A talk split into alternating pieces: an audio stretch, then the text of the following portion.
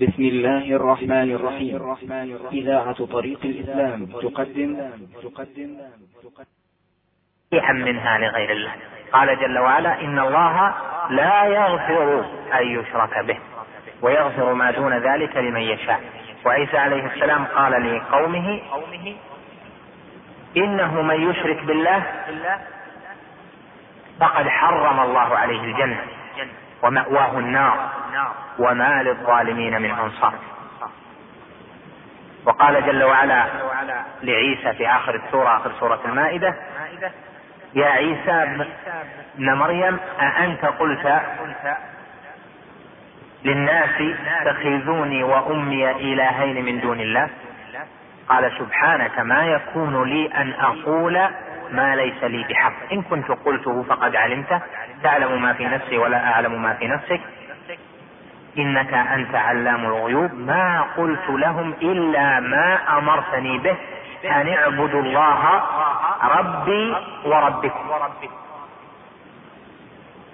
أن اعبدوا الله ربي وربكم. إلى آخر الآيات. المقصود من هذا أن ما قاله شيخ الإسلام وجماعة أن العبادة لغير الله أعظم كفرا من الاستعانة بغير الله هذا صحيح ومتجه ولهذا قدمت في سورة الفاتحة العبادة على الاستعانة لأنها أعظم شأنا وأجل خطرا لأنها هي التي وقع فيها الابتلاء. لهذا كان حريا بأهل الإيمان أن يعتنوا بأمر إخلاص القلب لله جل وعلا وتوجه المرء في عباداته وعبودياته لله وحده دون ما سواه. ثم قال الشيخ رحمه الله تعالى وفي الحديث إذا استعنت وإذا استعنت فاستعن بالله.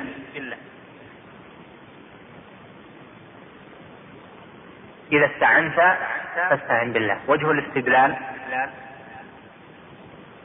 أن الأمر بالاستعانة بالله رتب على إرادة الاستعانة. قال إذا استعنت فاستعن بالله. يعني إذا كنت متوجها للاستعانة فلا تستعن بأحد إلا بالله. لأن الأمر جاء في جواب الشرط. قال إذا استعنت إذا هذه شرطية غير جازمة واستعنت هذا فعل الشرط إذا استعنت إذا حصل منك حاجة للاستعانة فاستعن هذا الأمر فاستعن بالله. لما أمر به علمنا أنه من العبادة. ثم لما جاء في جواب الشرط صار مركبا صار متركبا مع ما قبله بما يفيد الحصر والقصر. معنى كمعنى وإياك نستعين. ما حقيقة الاستعانة؟ الاستعانة طلب العون. لأن كل ما أول لأن الأصل أو ما نقول الأصل لأن القاعدة ما تضطرد لأن كثيرا فيما أوله السين والتاء يدل على طلب. استعان استغاث استسقى ونحو ذلك. استعان يعني طلب الإعانة استغاث طلب الغوث. استعاذ طلب العود استقام طلب صح ما فيها طلب هذا من النوع الثاني. استسقى طلب سقيا وإذ استسقى موسى لقومه يعني وإذ طلب موسى سقيا لقومه. هذا نوع. النوع الثاني تأتي استفعل ويراد بها الفعل بدون طلب كقوله واستغنى الله يعني وغني الله والله غني حميد في أمثال ذلك. المقصود أن كثيرا ما يأتي استفعل لطلب الفعل. هنا استعان طلب العون. استعاذ طلب العون. استسقى طلب استغاث طلب الغوث وهكذا. فإذا إذ كان جميعا في معنى الطلب أو فيها معنى الطلب فيصلح دليلا لها كل ما فيه وجوب إفراد الله جل وعلا بما يحتاجه المرء في طلباته. الدعاء. جميع أدلة الدعاء تصلح دليلا لما كان فيه نوع طلب. أي دليل في وجوب إفراد الله جل وعلا بالدعاء؟ يصلح دليلا لوجوب إفراد الله جل وعلا بأنواع الطلب. وقال ربكم ادعوني أستجب لكم. يصلح دليلا للاستغاثة والاستعاذة والاستعانه ونحو ذلك. بعد ذلك قال ودليل الاستعاذة. قوله تعالى قل أعوذ برب الناس ملك الناس. الاستعاذة كما ذكرت لك هي طلب العون وأعوذ معناها ألتجئ وأعتصم واتحرج تقول أعوذ بالله من الشيطان الرجيم معناها ألتجئ وأعتصم واتحرج بالله من شر الشيطان الرجيم. فاذا الاستعاذة طلب العون طلب المعتصم طلب الحرز طلب ما يعصم طلب ما يحمي. هذا الاستعاذة. وإذا هي من حيث كونها طلب. هذه ظاهرة. ومن حيث كونها فيها الاعتصام والالتجاء والتحرز صارت عبادة قلبية. ولهذا قال كثير من أهل العلم إن الاستعاذة عبادة قلبية. وطلب العود نعم يكون باللسان. في قول أحد لآخر اعود أعوذ بك أعذني ونحو ذلك. ولكنها هي تقوم بالقلب يعني يقوم بالقلب الاعتصام بهذا المطلوب منه العود يقوم بالقلب الالتجاء لهذا المطلوب منه العود يقوم بالقلب التحرز. بهذا المطلوب منه العود. فإذا قام بالقلب هذه الأشياء وهذه الأمور صار مستعيدا. ولو لم يفصح لسانه بطلب العود يعني أنها عبادة قلبية. الاستعاذة عبادة قلبية لأن حقيقتها طلب العود فإذا قام بالقلب اعتصامه بالله احترازه وتحرزه بالله التجاؤه إلى الله من شر من فيه شر صار ذلك استعاذة. قد يفصح باللسان عنها يطلب. اللهم أعذني من مضلات الفتن. يقول أعوذ بالله من الشيطان الرجيم. أعوذ برب الفلق ونحو ذلك. أعوذ بكلمات الله التامات من شر ما خلق. يعني ألتجئ وأعتصم وأتحرز بكلمات الله الكونية التامة التي لا يلحقها نقص من شر كل من فيه شر مما خلقه الله جل وعلا ونحو ذلك. لهذا لأجل هذا المعنى قال جمع من أهل العلم إنه لا يجوز أن يقول قائل أعوذ بالله ثم بك. وذلك لأن العود عبادة قلبية. وهذا هو الصحيح. فإن العود إذا قيل أعوذ بالله ثم بك الاستعاذة عمل قلبي بحث. لهذا لا يصلح أن يتعلق بغير الله جل وعلا. وقال آخرون من أهل العلم الاستعاذة طلب للجأ والاحتراز والاعتصام. وقد يكون المطلوب منه يمكن ويملك أن يعطي هذا معتصما وأن يقيه شرا. مثلا يأتي واحد من الناس إلى قوي من الناس إلى كبير ملك أو أمير أو رئيس قبيلة أو نحو ذلك فيقول له أعوذ بك من شر أعوذ بك أو أعوذ بالله ثم بك من شر هذا الذي أتاني. رجل مثلا يأتي يطلبه بشيء. يقولون هذا يمكن أن يكون يعني أن يقيه شرا أن يمنعه ممن يريد به سوءا يمكن أن يكون ممن يقدر عليه من البشر. فإذا كان بهذا المعنى يجوز أن يقول أعوذ بك لمخلوق أعوذ بالله ثم بك لمخلوق ولكن قول أعوذ بك هذا أبعد في الإجازة. وأما قول أعوذ بالله ثم بك فهذا من راعى المعنى الظاهر. وإن كان المخلوق أن يعيذ صححه وقال لا بأس. أن يقول أعوذ بالله ثم بك. ولكن الأظهر الأظهر أن العود عبادة قلبية وأنها إنما تكون بالله جل وعلا. وهذا على نحو ما مرنا في قوله توكلت على الله ثم عليه ونحو ذلك. فمن أهل العلم من يجيز مثل هذه الألفاظ مع أن أصلها عمل قلبي عبادة قلبية مراعيا الظاهر. ما يراعي تعلق القلب مراعي الحماية الظاهرة مراعي التحرز الظاهر مراعي الاعتصام الظاهر. ومنهم من لم يجزها مراعيا أنها عبادة قلبية. وأنك إذا أجزتها في الظاهر فإنه قد يكون تبعا لذلك اجازة تعلق القلب عند من لا يفهم المراد. وعلى العموم هما قولان مشهوران حتى عند مشايخنا المفتين في هذا الوقت وما قبله يقابل الاستعاذة التي هي طلب العود لأن طلب العود من شيء فيه شر. لهذا قال تعالى قل أعوذ برب الناس ملك الناس إله الناس من شر الوسواس الخناس.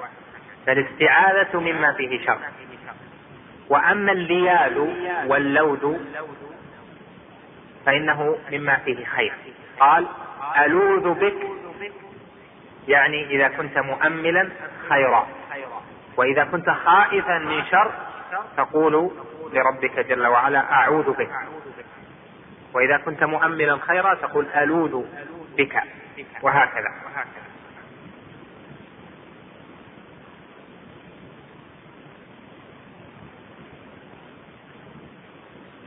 ثم ذكر الاستغاثة. أولا الدليل قال دليل الاستعاذة قوله تعالى قل أعوذ برب الناس. وجه الاستدلال أنه أمر نبيه الكريم بأن يستعيذ برب الناس. وما دام أنه أمر به فهو عبادة قلبية. فهو عبادة لأنه لا يأمر إلا بشيء يحبه ويرضاه. كذلك قوله تعالى فإذا قرأت القرآن فاستعذ بالله من الشيطان الرجيم. أمر بالاستعاذة به فدل على أنها عبادة. قال الشيخ رحمه الله ودليل الاستغاثة قوله تعالى إن تستغيثون ربكم فاستجاب لكم الاستغاثة طلب الغوث. الغوث يفسر بأنه الإغاثة المدد النصرة ونحو ذلك. فإذا وقع مثلا أحد في غرق ينادي أغثني أغثني. يطلب الإغاثة يطلب إزالة هذا الشيء يطلب النصرة. الاستغاثة عبادة. وجه كونها عبادة أن الله جل وعلا أمر أن الله جل وعلا قال هنا إذ تستغيثون ربكم فاستجاب لكم. وجه الاستدلال أنه أتى بها في معرض الثناء عليهم وأنه رتب عليها الإجابة. وما دام أن الله جل وعلا رتب على استغاثتهم به إجابته جل وعلا دل على أنه يحبها. وقد رضيها منهم فنتج أنها من العبادة. وإذ هنا بمعنى حين. إذ تستغيثون ربكم يعني حين تستغيثون ربكم فاستجاب لكم. وتلاحظ أن الآية هنا إذ تستغيثون ربكم وقبلها قل أعوذ برب الناس الاستغاثة كما ذكرت لك والاستعاذة والاستعانة ونحو ذلك تتعلق ب بالربوبية كثيرا هنا إذ تستغيثون ربكم. قال قبلها قل أعوذ برب الناس. لأن حقيقتها من مقتضيات الربوبية. لأن من الذي يغيث؟ هو المالك. هو المدبر. هو الذي يصرف الأمر. وهو رب كل شيء جل وعلا.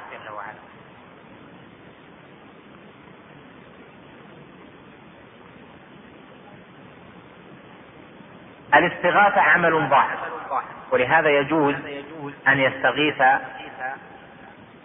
المرء بمخلوق لكن بشروطه. وهي أن يكون هذا المطلوب منه الغوث أن يكون حيا حاضرا قادرا. حيا حاضرا قادرا يسمع. فإذا لم يكن حيا كان ميتا صار صارت الاستغاثة بهذا الميت كفر. ولو كان يسمع ولو كان قادر. مثل الملائكة أو الجن.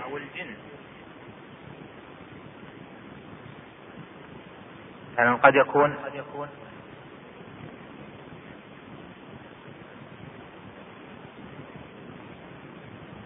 قلنا إيش أن يكون حيا حاضرا قادرا يسمع.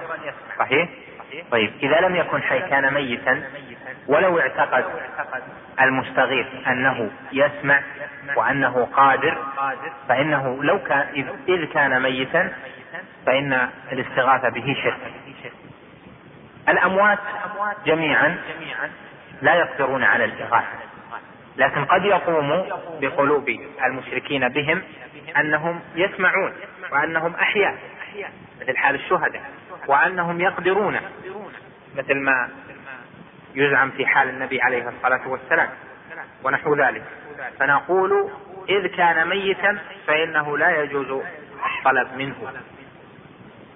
قالوا فما يحصل يوم القيامة من استغاثة الناس بآدم ثم استغاثتهم بنوح إلى آخر أنهم استغاثوا بنبينا محمد صلى الله عليه وسلم. نقول هذا ليس استغاثة بأموات. يوم القيامة هؤلاء يحيا يبعث الناس ويحيون من جديد. ماتوا كانوا في حياة ثم ماتوا ثم أعيدوا إلى حياة أخرى. فهي استغاثة بمن؟ بحي. حاضر قادر يسمع. لهذا ليس فيما احتجوا به من حال أولئك الأنبياء يوم القيامة حجة على جواز الاستغاثة بغير الله جل وعلا. والاستغاثة بغير الله جل وعلا أعظم كفرا من كثير من المسائل التي صرفها لغير الله جل وعلا شرك. إذا فالشروط أن يكون حيا. إذا كان ميتا فلا يجوز الاستغاثة به. أن يكون حاضرا إذا كان غائبا لا يجوز الاستغاثة به. حي قادر لكنه غائب. مثل لو استغاث بجبريل عليه السلام. ليس بحق حي نعم.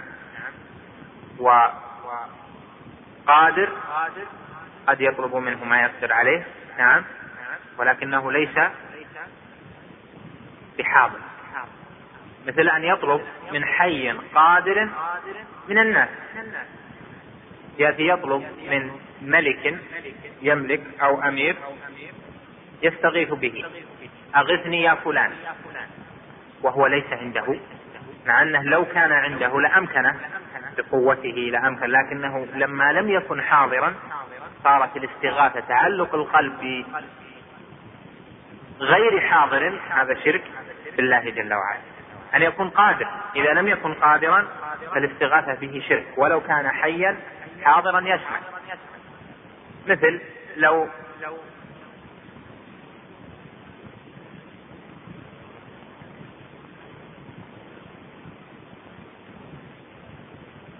طلب من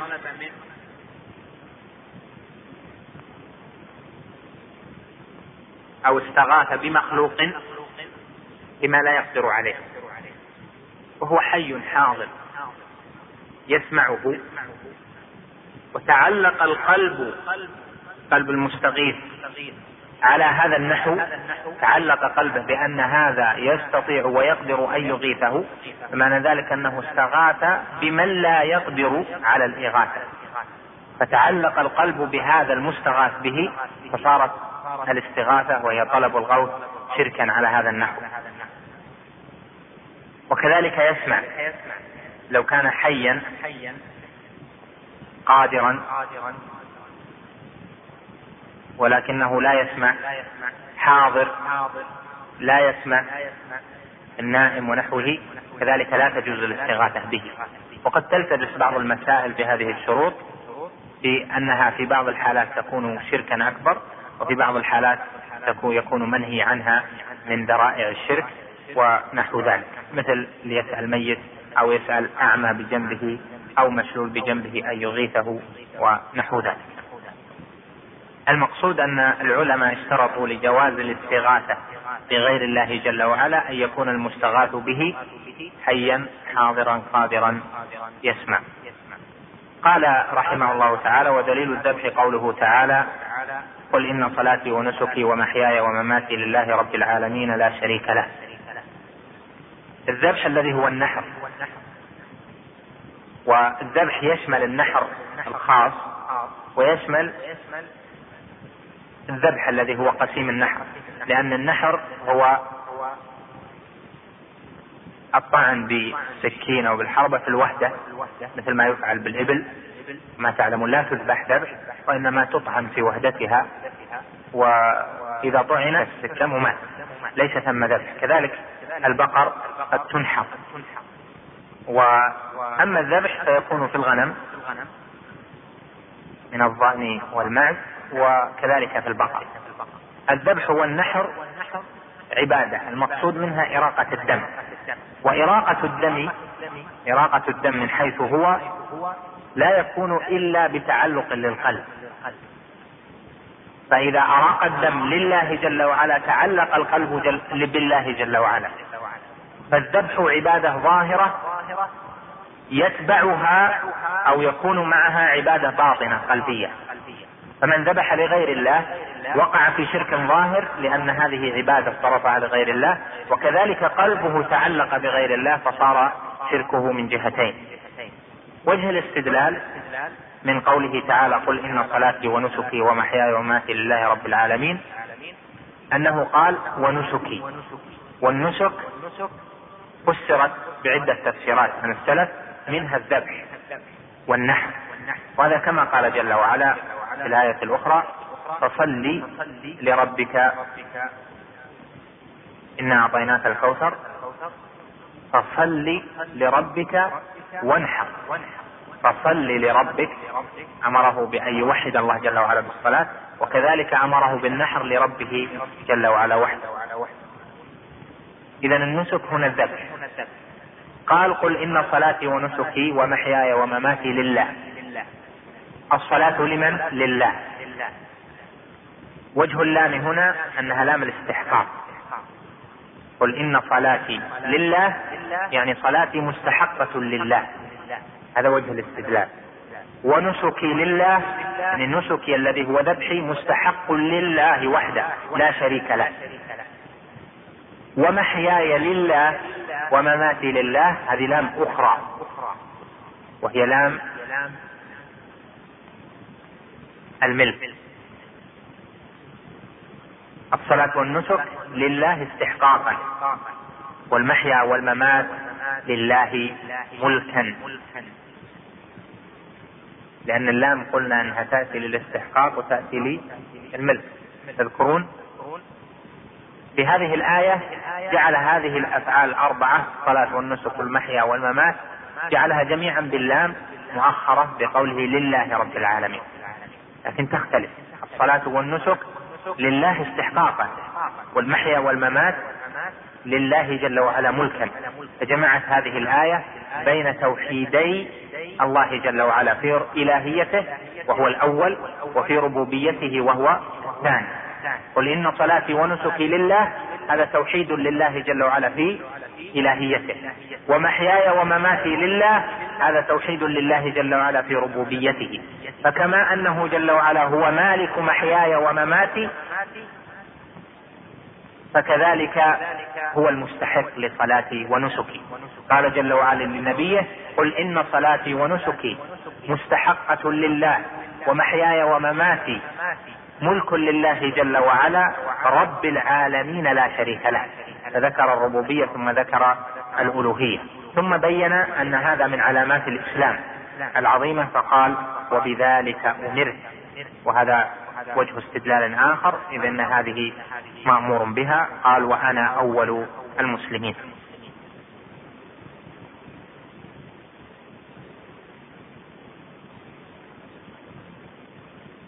الذبح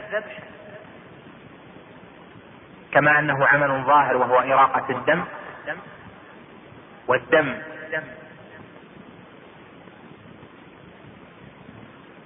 الذي بثه في أعضاء المذبوح. هو الله جل وعلا وهو علامة الحياة. فلا يزهق إلا لمن خلقه ولمن بثه في أعضاء من به الحياة. ولهذا قال العلماء إن العبد حال الذبح يجتمع في قلبه أنواع من العبوديات منها الذل لربه جل وعلا. ومنها التعظيم له جل وعلا. ومنها الرجاء رجاء ما عنده حال ذبحه. ومنها طلب البركة لأنه ما ذبح إلا لله. وهذه كلها عبادات قلبية. فكما أن الذبح عمل ظاهر فيه تحريك لليد وتحريك للسان ببعض القول كذلك يقوم بالقلب حال الذبح أنواع من العبوديات. قد ما يقوم بالقلب شيء البتة مثل ما يذبح لضيافة أو يذبح لنحو ذلك فهذا يجب أن يكون ظاهرا لله جل وعلا وحده. وإذا اجتمع أن يكون في الذبيحة أن تكون اجتمعت فيها العبادة الظاهرة والعبادة الباطنة العبادة القلبية كانت أكمل في رجاء ثواب الذبح ولو كان في الأمور العادية من ضيافة ونحوها. فيكون الذبح لله جل وعلا ظاهرا لم يرد بهذا إلا الله جل وعلا وباسمه لم يذكر إلا اسم الله جل وعلا ثم يكون بالقلب ذل لله جل وعلا وخضوع وتعظيم ورجاء المثوبة منه وحده فتجتمع العبادات القلبية وعبادات الجوارح حال الذبح. لهذا الذبح من العبادات العظيمة.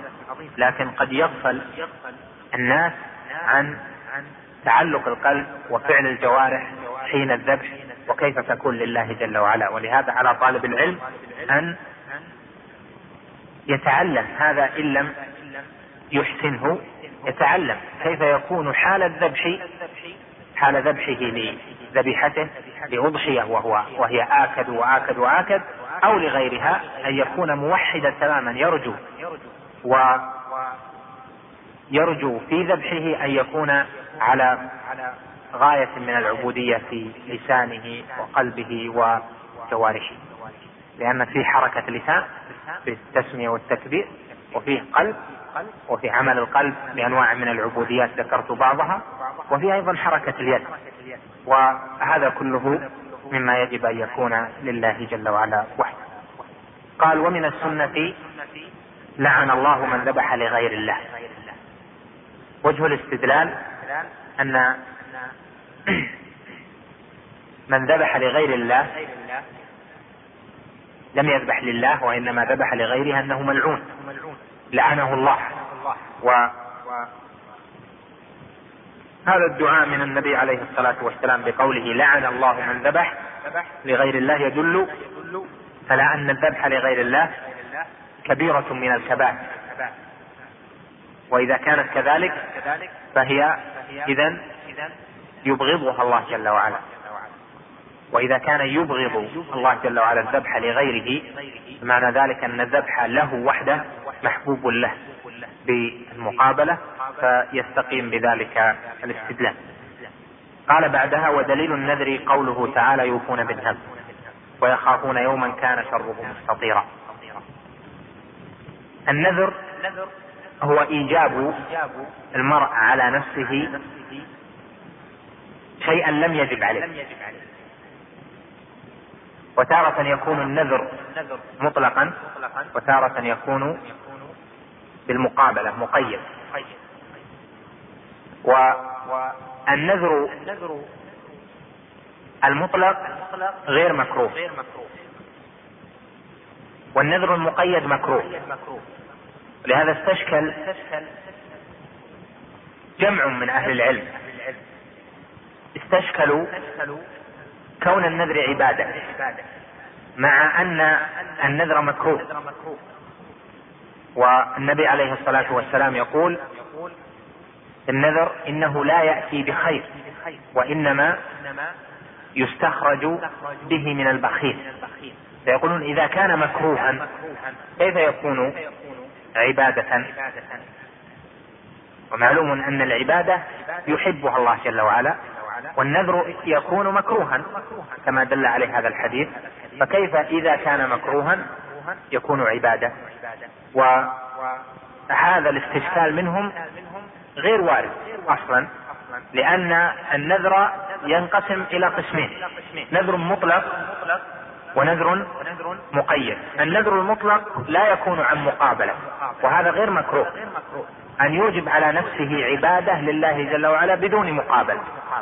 فيقول لله علي نذر مثلا يقول قائل لله علي نذر أن أصلي الليلة عشر ركعات طويلات بدون مقابلة فهذا إيجاب المرء على نفسه عبادة لم تجب عليه دون أن يقابلها شيء.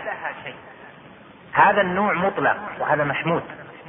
النوع الثاني المكروه هو ما كان عن مقابلة وهو أن يقول قائل مثلا إن شفى الله جل وعلا مريضي صمت يوما.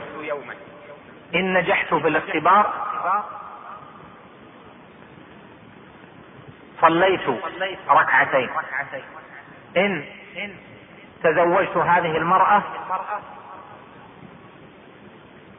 تصدقت ب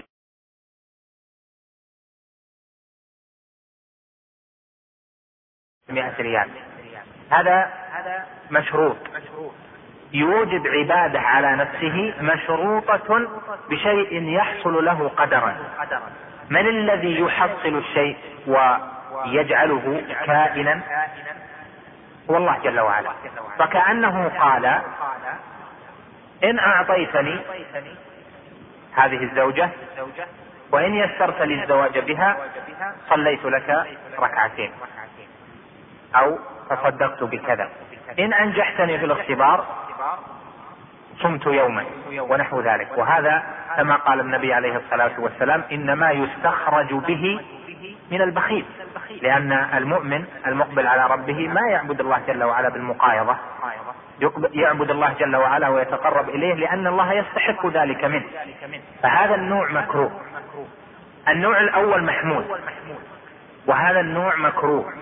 والوفاء بالنذر في كلا الأمرين واجب.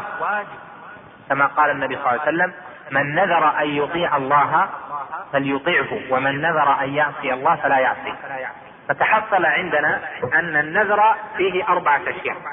نذر محمود ونذر لاحظ أن ما نقول مشروع. يفهم أحد أنه واجب أو مستحب. لا نقول محمود. غير مكروه في الشرع محمود. وهو المطلق لما فيه مقايضة ولا مقابلة. النوع الثاني مكروه وهو الذي يكون عن مقابلة. الوفاء بالأول بنذر التبرر والطاعة واجب. الوفاء بالثاني حتى ولو كان مكروها واجب. وهو الذي أثنى الله جل وعلا على أهله في الحالين بقوله يوفون بالنذر لأنه أوجب على نفسه. فلما كان واجبا صار الوفاء به واجبا. فامتثل للوجوب الذي أوجبه على نفسه لأنه يخشى عقابه. فتحصل أن هذه الأربعة منها ثلاث منها اثنتان واجبتان وهما الوفاء وواحد محمود وواحد مكروه. ولهذا صار غالب الحال إذ كان عبادة صار غالب الحال هو الحال التي أنه محمود فيها أو واجب. فلهذا صار النذر عبادة من العبادات التي يرضاها الله جل وعلا ويحبها إلا في حال واحدة وهي حال نذر المقابلة. يتضح لكم هذا المقام. لأن بهذا التحرير تخلصون من إشكالات عدة ربما أوردها عليكم خصوم الدعوة والخرافيون. في مسألة النذر. ظاهر؟ تأملوها لأن قد لا تجد هذا التحرير في كثير من الكتب. قال ودليل النذر قوله تعالى يوفون بالنذر. وجه الاستدلال أن الله جل وعلا امتدحهم بذلك بأنهم يوفون بالنذر. وإذ امتدحهم بذلك دل على أن هذا العمل منهم وهو الوفاء بالنذر أنه محبوب له جل وعلا فثبت أنه عبادة لله جل وعلا. والنذر له شقان. الشق الأول النذر والثاني الوفاء به. وكلا الأمرين إذا صرفت لغير الله جل وعلا فهي شرك. النذر لغير الله كان ينظر لأصحاب المشاهد أو الأولياء أو القبور ينظر للمشهد الفلاني في يعني ينظر مثلا للنبي صلى الله عليه وسلم أو ينظر لأحد من الموتى ينظر لفاطمة عليها عليه رضي الله عنها أو ينظر لأحد آل البيت أو لخديجة أو ينظر لأحد من الأولياء أو نحو ذلك. يقول علي نذر للولي الفلاني. ولو كان بغير مقابلة. هذا إيجاب على نفسه عبادة لمن؟ لغير الله. فصار شركا أكبر. القسم الثاني أن يقول إن شفى الله لاحظ إن شفى الله مريضي فللولي الفلاني علي نذر بكذا وكذا. فهذا على المقابلة. ولو كان على هذا النحو فصرفه لغير الله جل وعلا شرك. لأن القول الأول منه وهو قول إن شفى الله مريضي هذا ربوبية.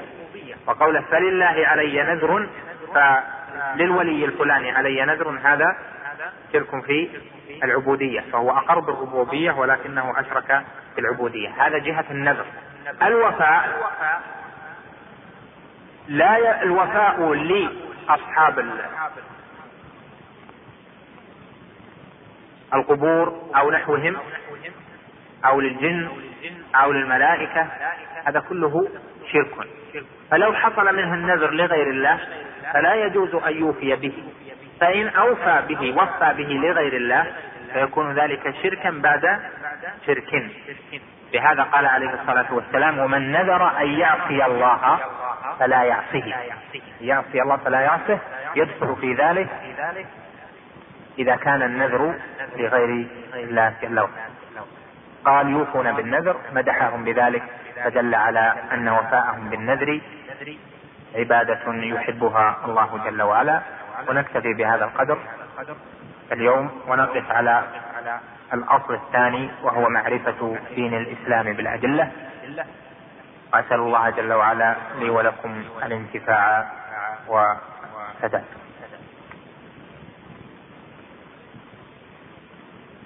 بسم الله الرحمن الرحيم.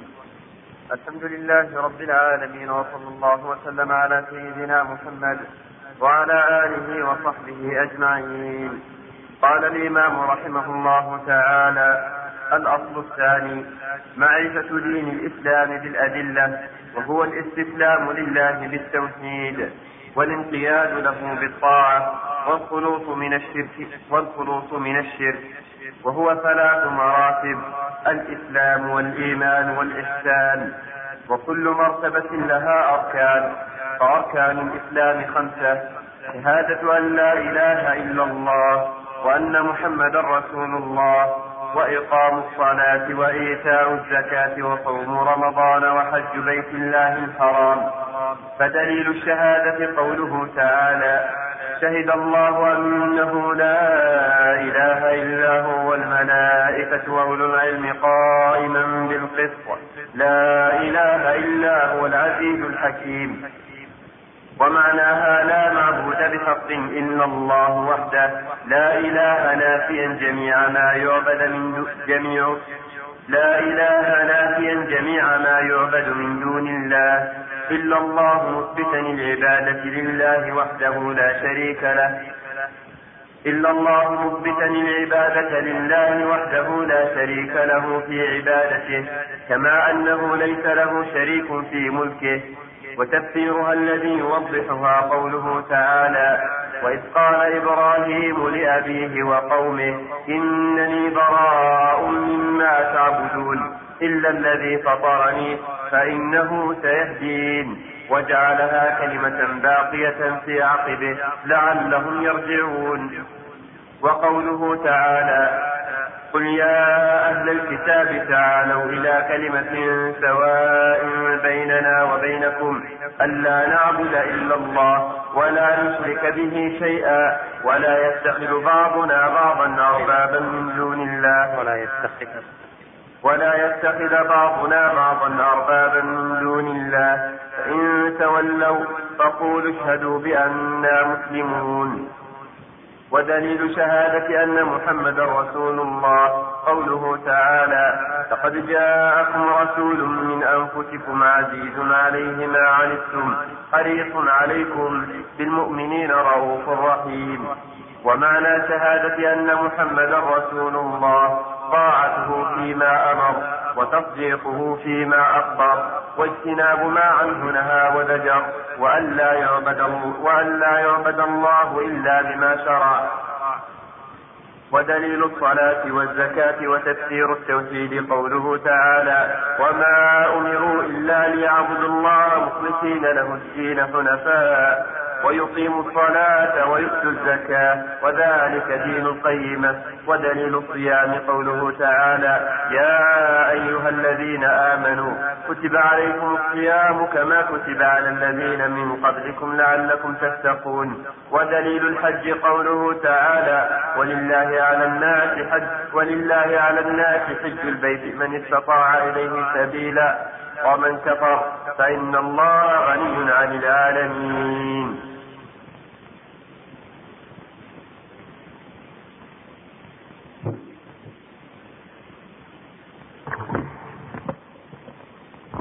بسم الله الرحمن الرحيم.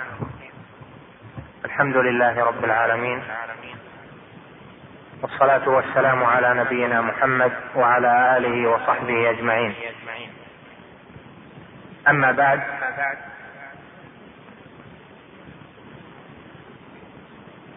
فهذه الرسالة تسمى ثلاثة الأصول. وأدلتها. وقد ذكر رحمه الله تعالى وأجزل له المثوبة. ذكر الأصل الأول فيما مر معنا وهو معرفة العبد ربه.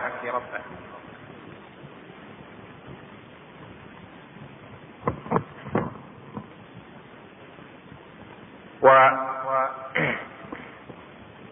معرفة العبد ربه يعني معرفة يعني به معرفة العبد معبوده لأن الربوبية الرب هنا بمعنى المعبود والربوبية في هذا الموقع بمعنى العبادة. لأن الابتلاء وقع فيها. وهذا أصل من الأصول والمقبور أو الميت يسأل أول سؤال عن ربه يعني عن معبوده الذي كان يعبده من هو؟ فإن كان يعبد الله وحده لا شريك له أجاب بأن معبودي ربي الله يعني وحده لا شريك له. وإن كان يعبد مع الله آلهة أخرى والعياذ بالله قال ربي الله وربي فلان وربي فلان وربي فلان من المعبودات المختلفة. يعني معبودي فلان ومعبودي فلان ومعبودي فلان مع الله. منكر ونكير عن دينه. ما دينك؟ فلهذا كان لزاما أن يتعلم العبد دينه بأدلة ذلك حتى يخرج عن التقليد ويكون اعتقاده بهذا عن علم ومعرفة وبصيرة لا على وجه المتابعة للناس.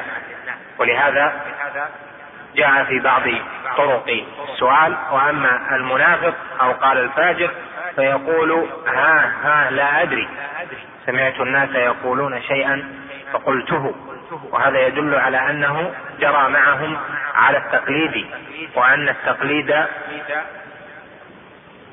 لا يسوغ في أصول الدين. هذه الأصول الثلاثة التقليد في دين الإسلام التقليد في العبادة التقليد في الشهادة بأن محمد رسول الله. لا يكفي. فإذا قال قائل أنا مسلم بحكم أني في بلد إسلام وهو لم يعتقد هذه الأمور اعتقادا عن علم ولو لمرة في حياته ولو كانت قبل البلوغ فإنه لا يخلص من التبعة. فلا بد أن يعتقد ما يجب اعتقاده عن معرفة وهي هذه الأصول الثلاثة وعن معرفة وعلم ودليل. ولهذا الشيخ رحمه الله كما ترى توسع في الأدلة. كل مسألة يذكرها يذكر دليلا عليها لأن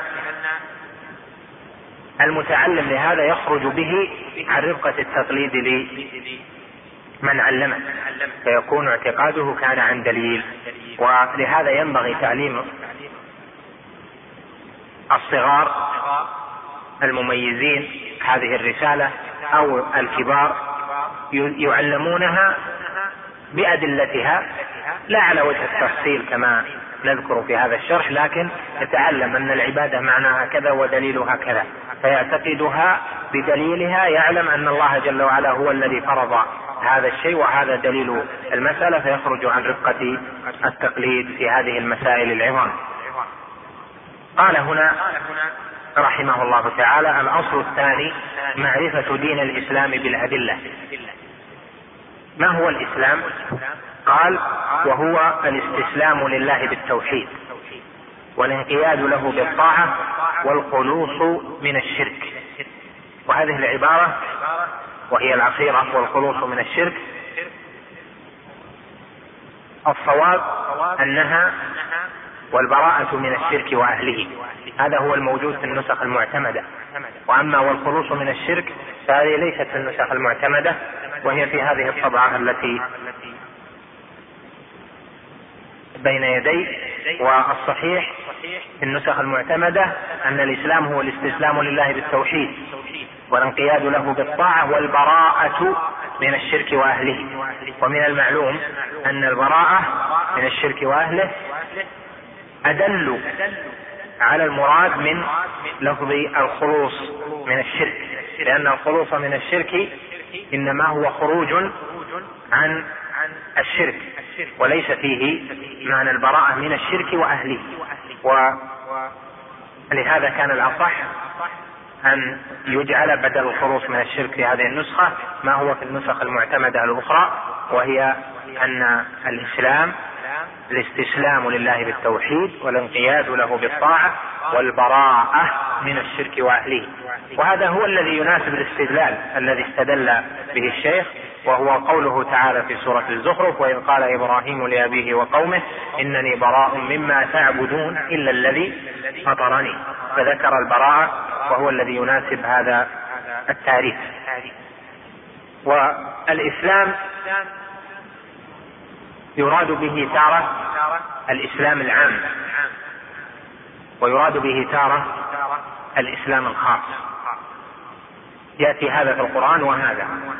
فالإسلام العام يراد به الإسلام الذي خطب به جميع الناس.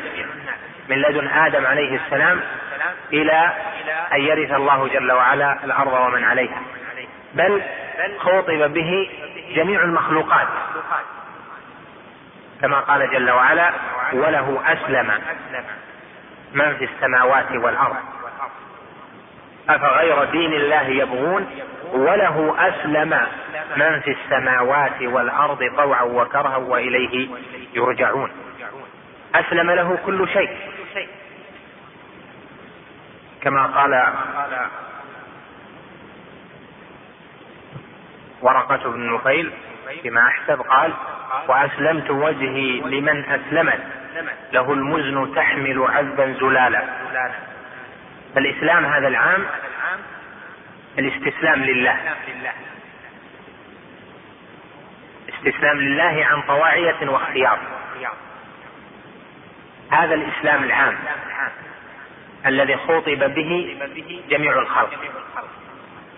حصل التكليف على آدم وبنيه. قال جل وعلا وحملها الإنسان. يعني حمل الإنسان الأمانة وهي أمانة التكليف التكليف بالإسلام. قال جل وعلا إن الدين عند الله الإسلام. وهذا هو الإسلام العام الذي دعا إليه كل رسول وكل نبي من آدم عليه السلام إلى محمد صلى الله عليه وسلم. الجميع يدعو إلى الإسلام. وهذا الإسلام يسميه العلماء الإسلام العام الذي يشترك فيه جميع الرسل. أما الإسلام الخاص فهو القسم الثاني وهو المراد ها هنا. فمعرفة دين الإسلام لا يريد به دين الإسلام العام وإنما بعد بعثة محمد صلى الله عليه وسلم صار المقصود بالإسلام الذي طلب من الناس أن يدينوا به وأن يعتقدوه هو الإسلام الذي جاء به النبي عليه الصلاة والسلام وهو دين الإسلام الخاص. حتى صار الإطلاق إذا أطلق الإسلام لا يراد به إلا دين الإسلام الذي بعث به نبينا محمد صلى الله عليه وسلم الذي يشمل عقيدة الإسلام وشريعة الإسلام.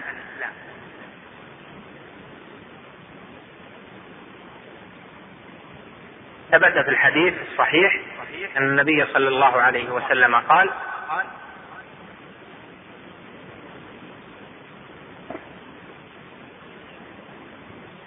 لا يسمع بي أحد من هذه الأمة ولا يهودي ولا نصراني. ثم لا يؤمن بي إلا أكبه الله في النار. لا يسمع بي يعني بما ببعثتي برسالتي وبما أرسلت به ثم لا يؤمن بي. أحد من هذه الأمة ولا يهودي ولا نصراني وفي الرواية الأخرى أحد من هذه الأمة يهودي أو نصراني المراد أمة الدعوة؟ ثم لا يؤمن بي إلا أكبه الله في النار. فمن كان على دين الإسلام العام وقد بعث النبي صلى الله عليه وسلم فإنه لا يقبل منه. لا يقبل بعد بعثة النبي صلى الله عليه وسلم من أحد إلا أن يتبع دين الإسلام الخاص يعني الذي بعث به النبي عليه الصلاة والسلام. وهو المراد ها هنا. وهو الذي يحصل به الابتلاء في القبر والفتنة في القبر يحصل الابتلاء والفتنة بدين الإسلام الذي بعث به محمد صلى الله عليه وسلم. قال هو الاستسلام هو الاستسلام لله بالتوحيد. الاستسلام أن يكون فاعله فاعل الاستسلام كهيئة المستسلم. والمستسلم لغيره تابع له لا يفعل إلا ما يريد. خلص قلبه إلا من رغبة من استسلم له. ولو قال وهو الإسلام لله بالتوحيد لصح أيضا. فالاستسلام هنا بمعنى الإسلام. وله أسلم. وأنيبوا إلى ربكم وأسلموا له. كلها بمعنى الاستسلام والإسلام. الإسلام لله والاستسلام لله بمعنى واحد. قيدها في هذا الموضع بقوله بالتوحيد. والتوحيد اسم يشمل توحيد الله جل وعلا في ربوبيته وفي إلهيته وفي أسمائه وصفاته. والمقصود الأخص من هذه الثلاثة توحيد العبادة لأن الخصومة وقعت فيه. ومعلوم أن توحيد العبادة متضمن لتوحيد الربوبية ولتوحيد الأسماء والصفات. ثم قال والانقياد له بالطاعة. انقياد لله جل وعلا بالطاعة. يعني أن يكون منقادا غير ممانع ولا متول عن طاعة الله جل وعلا وإنما ينقاد ويذعن كما قال جل وعلا قل أطيعوا الله والرسول فإن تولوا فإنما عليه ما حمل وعليكم ما حملتم. أمر بطاعة الله وطاعة رسوله يعني الانقياد لله وللرسول بما أمر فيما أمر الله جل وعلا به وفيما أمر به النبي صلى الله عليه وسلم. قال فإن تولوا أعرضوا ولم يذعنوا ولم ينقادوا فإنما عليه يعني على الرسول ما حمل ما حمل إياه وهو الرسالة وعليكم ما حملتم وهو الاستجابة لله وللرسول. فاذا هنا الانقياد له بالطاعة لله جل وعلا بطاعته وطاعة رسوله صلى الله عليه وسلم الذي بعث بهذا الإسلام الأخير. قال والبراءة من الشرك وأهله. البراءة من الشرك وأهله. فسرت البراءة بعدة تفسيرات أصل وفروعه. أصل البراءة البغض في القلب. يعني بغض الشرك وأهله. ويتبع ذلك يتبع بغضهم معاداتهم يتبع بغضهم معاداتهم وتكفير من كفره الله جل وعلا ورسوله تكفير المشركين ومقاتلتهم عند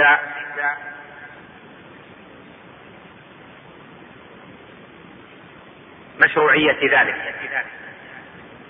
وهذا هو معنى الكفر بالطاغوت أيضا.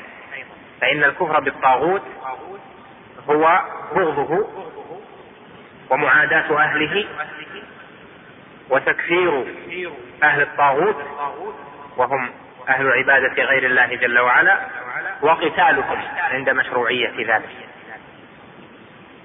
البراءة من الشرك أصلها البغض. يتبعها يتبع البغض أشياء أولا المعاداة ثانيا التكفير ومعلوم أن التكفير تبع للعلم ثم قتالهم عند مشروعية ذلك وذلك أيضا مستلزم للعلم. فتلخص أن على العامة وهم من ليسوا علماء عليهم من هذا من, من البراءة أصلها وهو البغض. وأما فروعها فإنما هي بحسب درجات العلم. البغض لا بد أن يوجد فإن لم يبغض الشرك فإنه ليس بمسلم. إذا كان يحب الإسلام وأهله ويحب التوحيد وأهله ولكن لا يبغض الشرك وأهله فإنه ليس بمسلم. لكن قد يبغض الشرك وأهل الشرك باعتبار الأصل. لكنه يحب بعض المشركين لغرض من أغراض الدنيا فهذا ليس بمشرك وإنما ناقص إسلامه كما أوضحت لكم فيما سبق في تقسيم الموالاة إلى موالاة وتولي المقصود من هذا أن مسألة البراءة هذه من الشرك وأهله. أصل البراءة البغض يتبعها أشياء.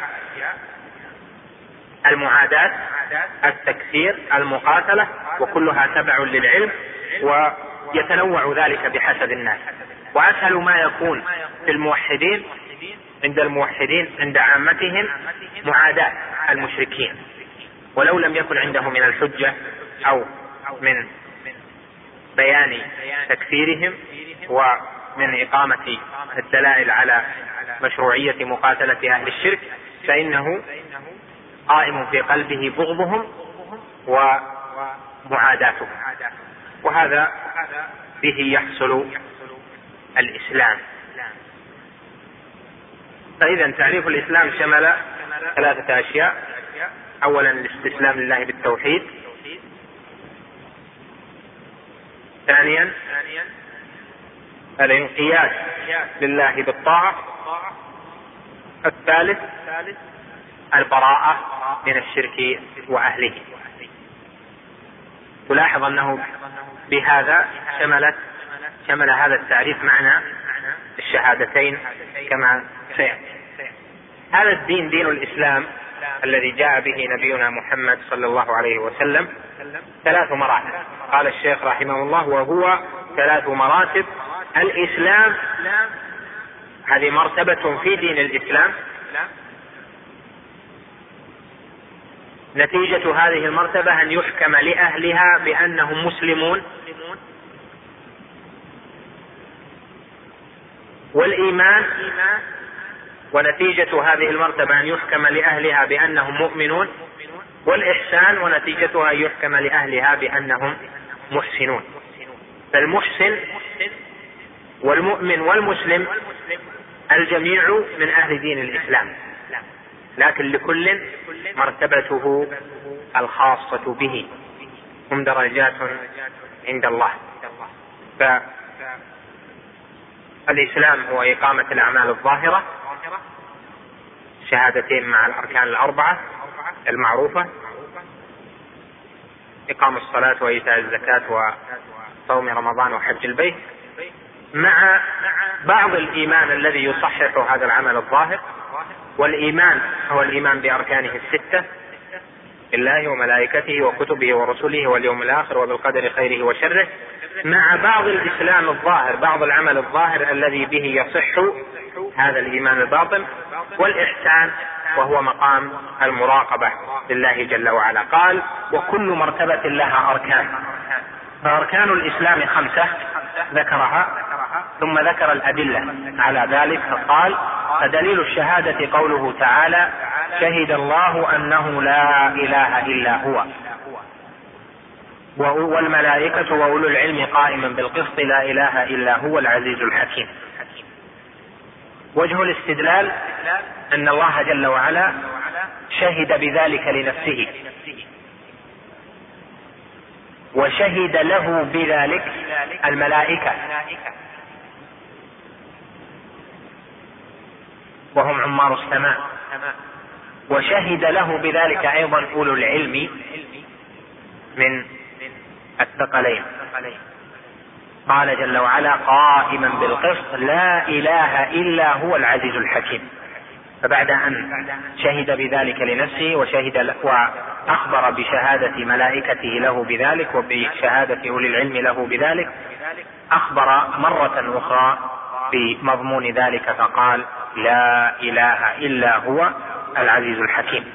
واضح ظاهر وجه الاستدلال من هذه الآية. ما معنى لا إله إلا الله؟ قال معناها لا معبود بحق إلا الله وحده. لا إله إلا الله. أربع كلمات. لا ثم إله. ثم إلا ثم الله. معنى لا هذه حرف لنفي الجنس.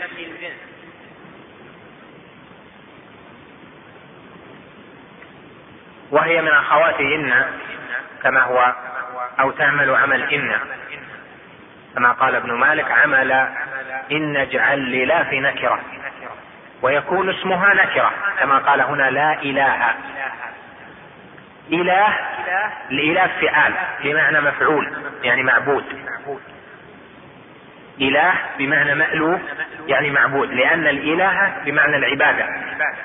والألوهة بمعنى العبودية.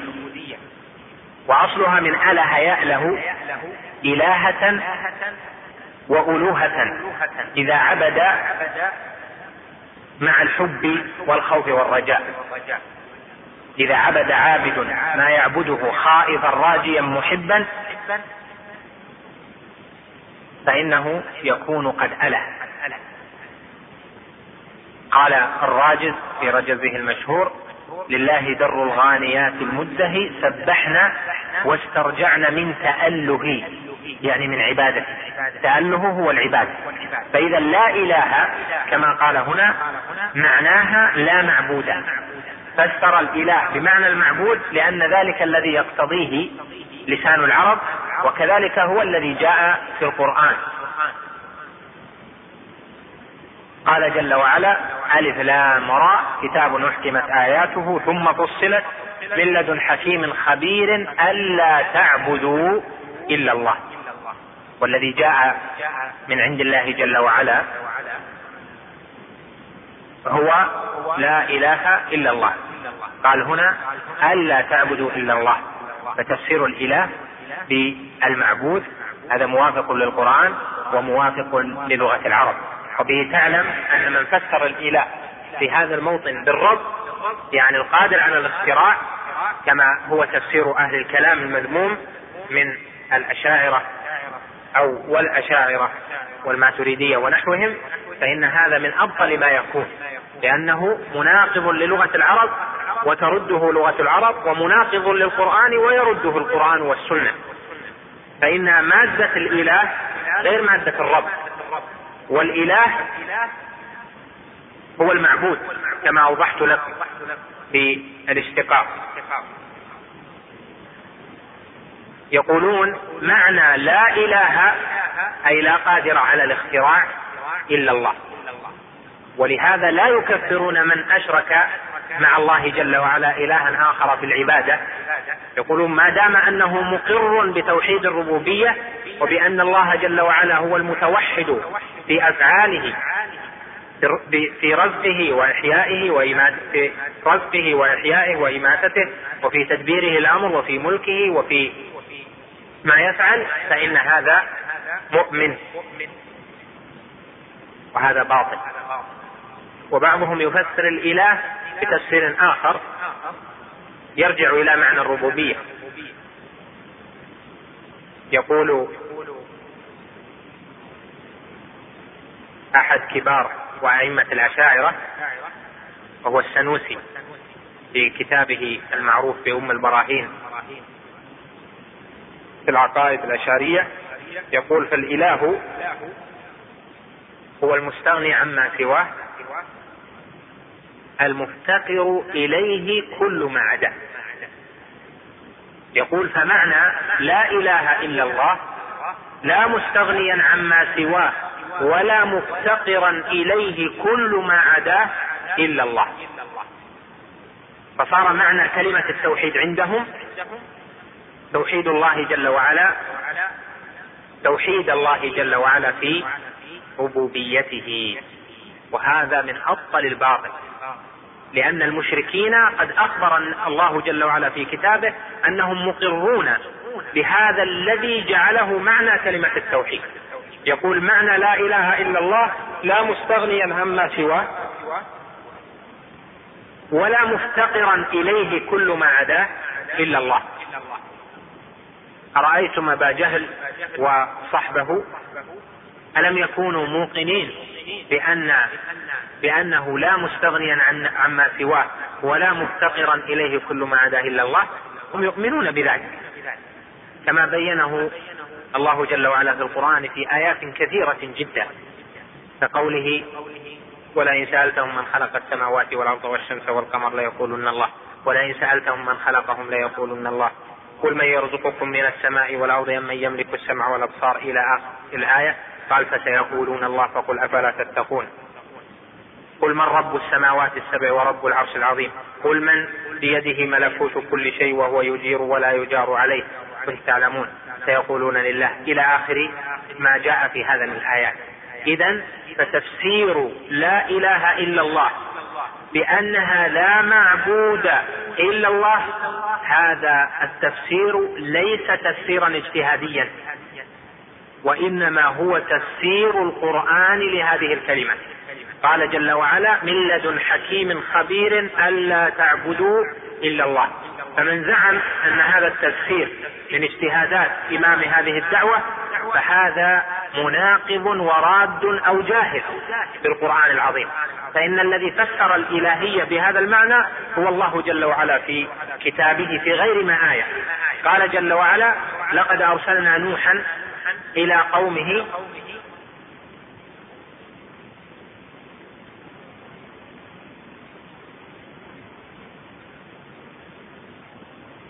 لقد أرسلنا نوحا إلى قومه فقال يا قوم اعبدوا الله. ما لكم من إله غيره. وهذا واضح. ما لكم من إله غيره أتى بعد أمرهم بعبادة الله جل وعلا وحده دون ما سواه. وهذا مبين كثير في الكتاب وفي السنة. والنبي صلى الله عليه وسلم قال لحسين بن عبد الرحمن كم إلها تعبد؟ قال أعبد سبعة. ستة في الأرض وواحد في السماء. قال فمن ذا الذي تعد لرغبك ولرهبك؟ قال الذي في السماء. فهذا معنى الإله. وهذا معنى لا إله أي لا معبود. فهذا التفسير تفسير من القرآن تفسير جاء من الله جل وعلا ومن نبيه صلى الله عليه وسلم. ليس تفسيرا اجتهاديا من أئمة هذه الدعوة كما زعمه الخرافيون وأعداء التوحيد. إذا هنا قال معناها لا معبود بحق إلا الله. الكلمة الثانية إله الكلمة الثالثة إلا. وإلا هذه عند بعض العلماء أداة استثناء وعند بعضهم أداة حصر.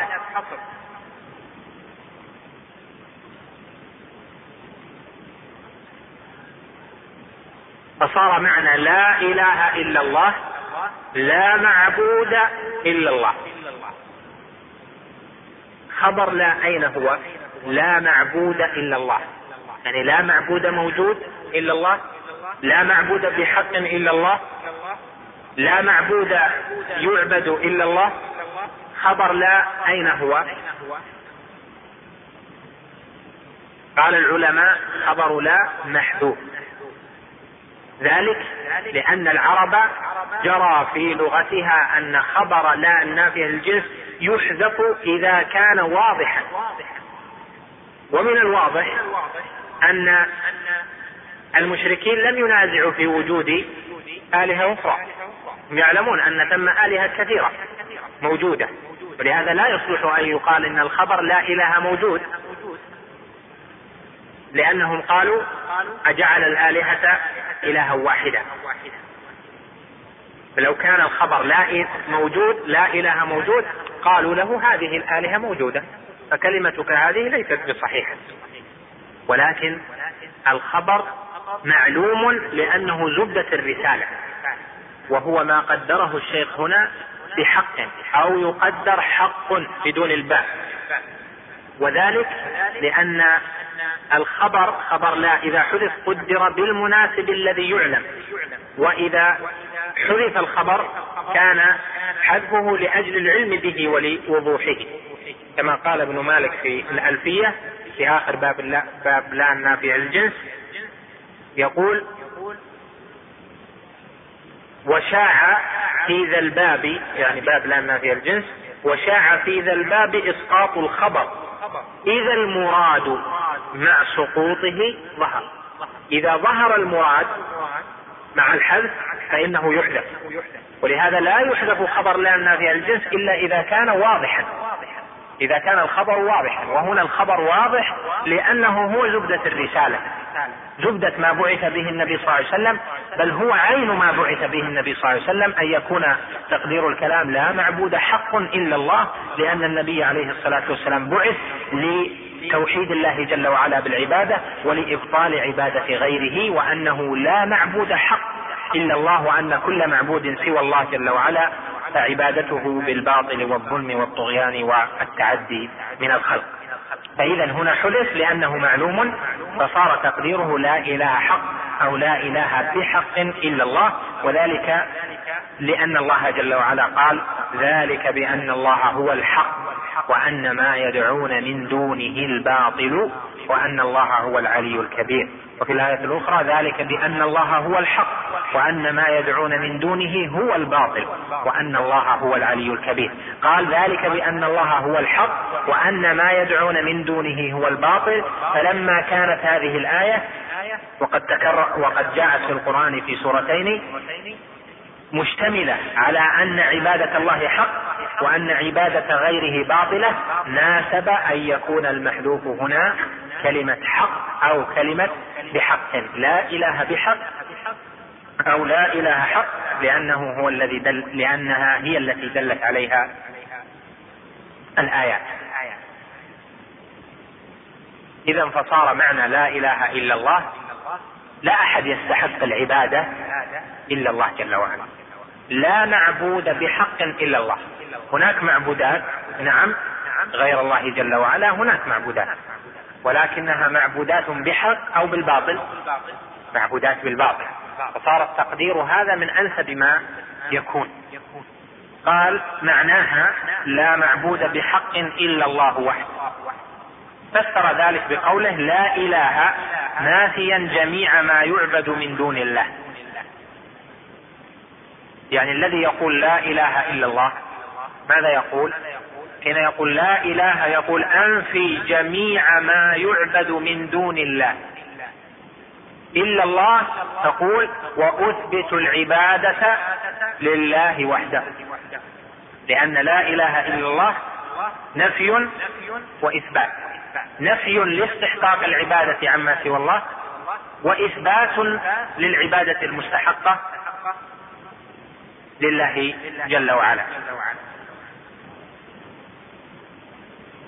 قال رحمه الله هنا لا شريك له في عبادته كما أنه ليس له شريك في ملكه. عدم الشركة في الملك تتنوع. أحيانا تكون الشركة في الملك يعني مطلقا دون إضافتها إلى الله. طبعا. الشركة في الملك تكون بأن يكون لكل شريك قسم خاص. ليس مشاع. له اسم خاص مما اشترك فيه. اشتركت أنا وأنت في إبل في ملك في ملك إبل مثلا لك خمسون ولي خمسون معروفة. هذه خمسين معروفة بأعيانها وهذه خمسون لك معروفة بأعيانها. أو اشتركت أنا وأنت في كتب معروفة. هذه الكتب لك وهذه الكتب لي. هذه شركة كل من الشريكين له قسمه استقلالا. الثاني أن تكون شركة مشاعة. يشتركان شركة مشاعة. هذا وهذا مشتركان في ملك لا يتميز ملك أحدهما عن الآخر بل هما له جميعا. بل هو لهما جميعا. الله جل وعلا بين في القرآن أنه لو كان له شريك في الملك في ملكه لابتغى إليه سبيلا. قال جل وعلا لو كان معه آلهة كما يقولون إذا لابتغوا إلى ذي العرش سبيلا. لو كان معه آلهة معبودات تستحق العبادة فعلا ما الذي سيلزم من ذلك؟ يلزم أن لهم نصيبا في ملك الله لأنه ليس لا يستحق العبادة إلا من يملك النفع والضر. لو كان معه آلهة كما يقولون إذا لابتغوا إلى ذي العرش سبيلا. قال سبحانه وتعالى عما يقولون علوا كبيرا. وليس مع مع الله جل وعلا أحد في ملكه بل هو المتوحد في ملكه. ينتج من ذلك ويلزم أنه هو المستحق للعبادة وحده. لهذا قال هنا لا شريك له في عبادته كما أنه لا كما أنه ليس له شريك في ملكه. لهذا يقول العلماء إن توحيد الربوبية مستلزم لتوحيد الإلهية.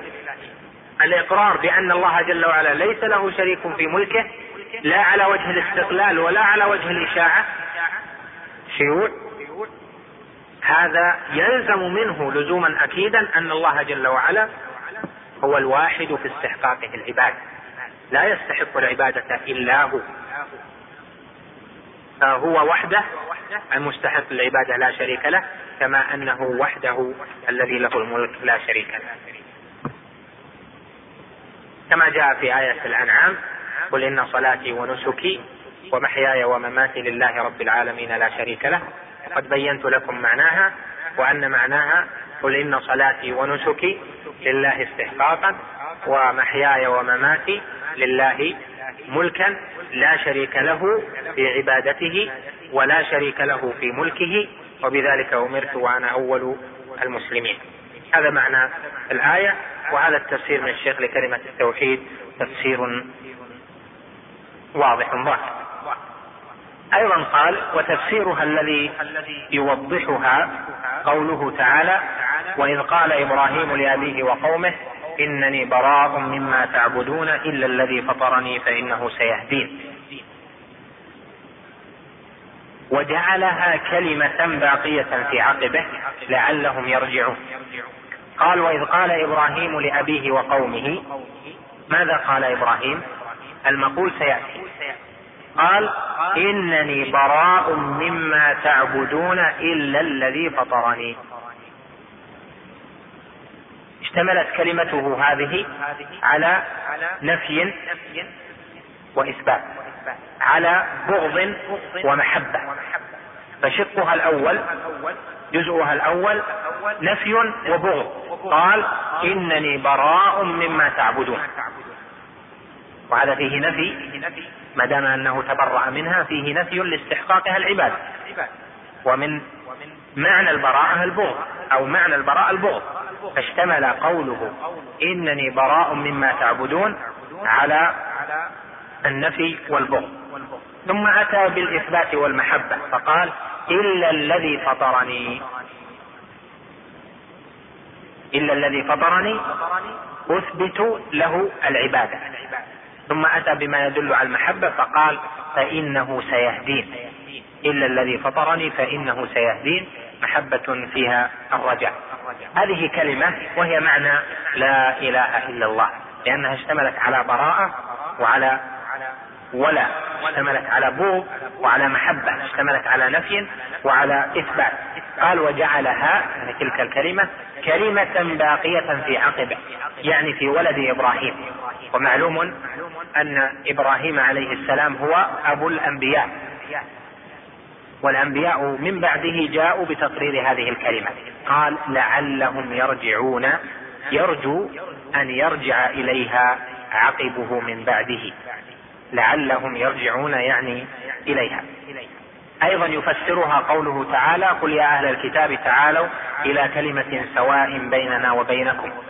قل يا أهل الكتاب قل يا محمد يا أهل الكتاب يا أهل التوراة ويا أهل الإنجيل ويا أهل الزبور تعالوا إلى كلمة سواء إلى كلمة نصر كلمة عدل بيننا وبينكم.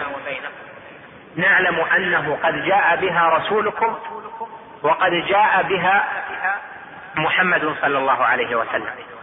ما هذه الكلمة؟ ألا نعبد إلا الله ولا نشرك به شيئا. وجه الاستدلال أن هذه الكلمة بيننا وبينهم وهي كلمة التوحيد. تفسيرها الا نعبد إلا الله ولا نشرك به شيئا. هذا واضح؟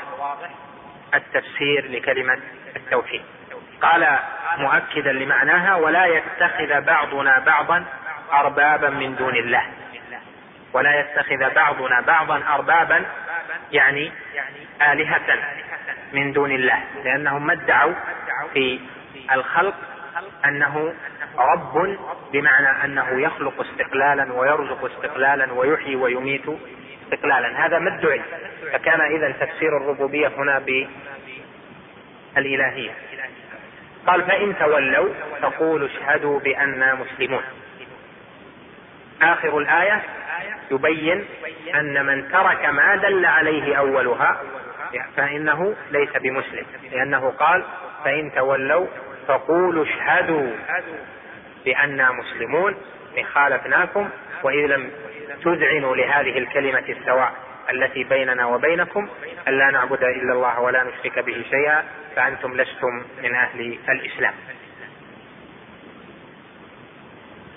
قال بعد ذلك ودليل شهادة أن محمد رسول الله. قوله تعالى لقد جاءكم رسول من أنفسكم عزيز عليه ما عنتم حريص عليكم بالمؤمنين رؤوف رحيم. لقد جاءكم رسول من أنفسكم هذا قسم. اللام هذه هي التي تسمى الموطئة للقسم. دائما تصحب قد لقد نعلم أن ثم قسم. أن ثم قسما محذوفا.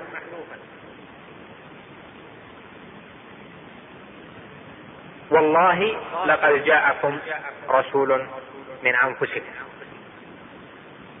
وهنا المقسم هو الله جل وعلا. أقسم بأنه قد جاءكم رسول. وهذا لتأكيد الكلام وتعظيمه في انفس السامع لأنه أكد بالقسم والمقسم هو الله والمقسم به هو الله جل وعلا. على مجيء الرسول لنا من أنفسنا. من أنفسكم يعني من جنسكم. من بني جلدتكم. يتكلم بلسانكم وتعقلون عنه.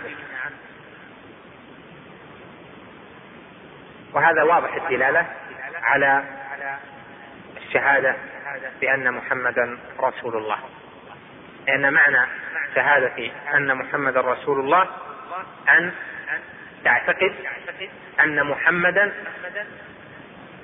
أرسله الله جل وعلا. بدين الإسلام اعتقادا تعتقد ذلك اعتقادا يصحبه قول وإخبار عنه. وهذه الآية واضحة الدلالة على المراد. بين معنى شهادة أن محمدا رسول الله. قال ومعنى شهادة أن محمدا رسول الله طاعته فيما أمر. هذا التفسير والمعنى بالمقتضى. يعني معناها الذي تقتضيه تقتضي طاعته فيما أمر. اذا فمعنى شهادة أن محمدا رسول الله طاعته فيما أمر. كونك شهدت بأنه مرسل من عند الله معنى ذلك أنه إذا أمرك فإن الآمر هو الله جل وعلا. كما جاء في الحديث الذي رواه أبو داود وغيره حديث الصحيح قال عليه الصلاة والسلام ألا وإن ما حرم رسول الله مثل ما حرم الله. إذا اعتقدت أن هذا الذي جاء به محمد صلى الله عليه وسلم لم يأتي به من عنده وإنما هو رسول فمعنى ذلك أن تطيعه فيما أمر. هذا مقتضى لكونك شهدت بأنه رسول الله. فإن لم تطيعه فيما أمر اعتقادا أنه لا يطاع كان ذلك تكذيبا لشهادته. فمن قال أشهد أن محمدا رسول الله. وهو يعتقد أنه لا تلزمه طاعة الرسول صلى الله عليه وسلم فحاله حال المنافقين شهادته مردودة كاذب في شهادته. وأما إذا اعتقد أنه تجب عليه طاعة الرسول صلى الله عليه وسلم فيما أمر وخالف لغلبة هوى فهذا يكون عاصيا. قد نقص من تحقيقه لشهادة أن محمد رسول الله بقدر مخالفته. قال وتصديقه فيما أخبر. ما أخبر مع تحيات إخوانكم في إذاعة طريق الإسلام والسلام عليكم ورحمة الله وبركاته.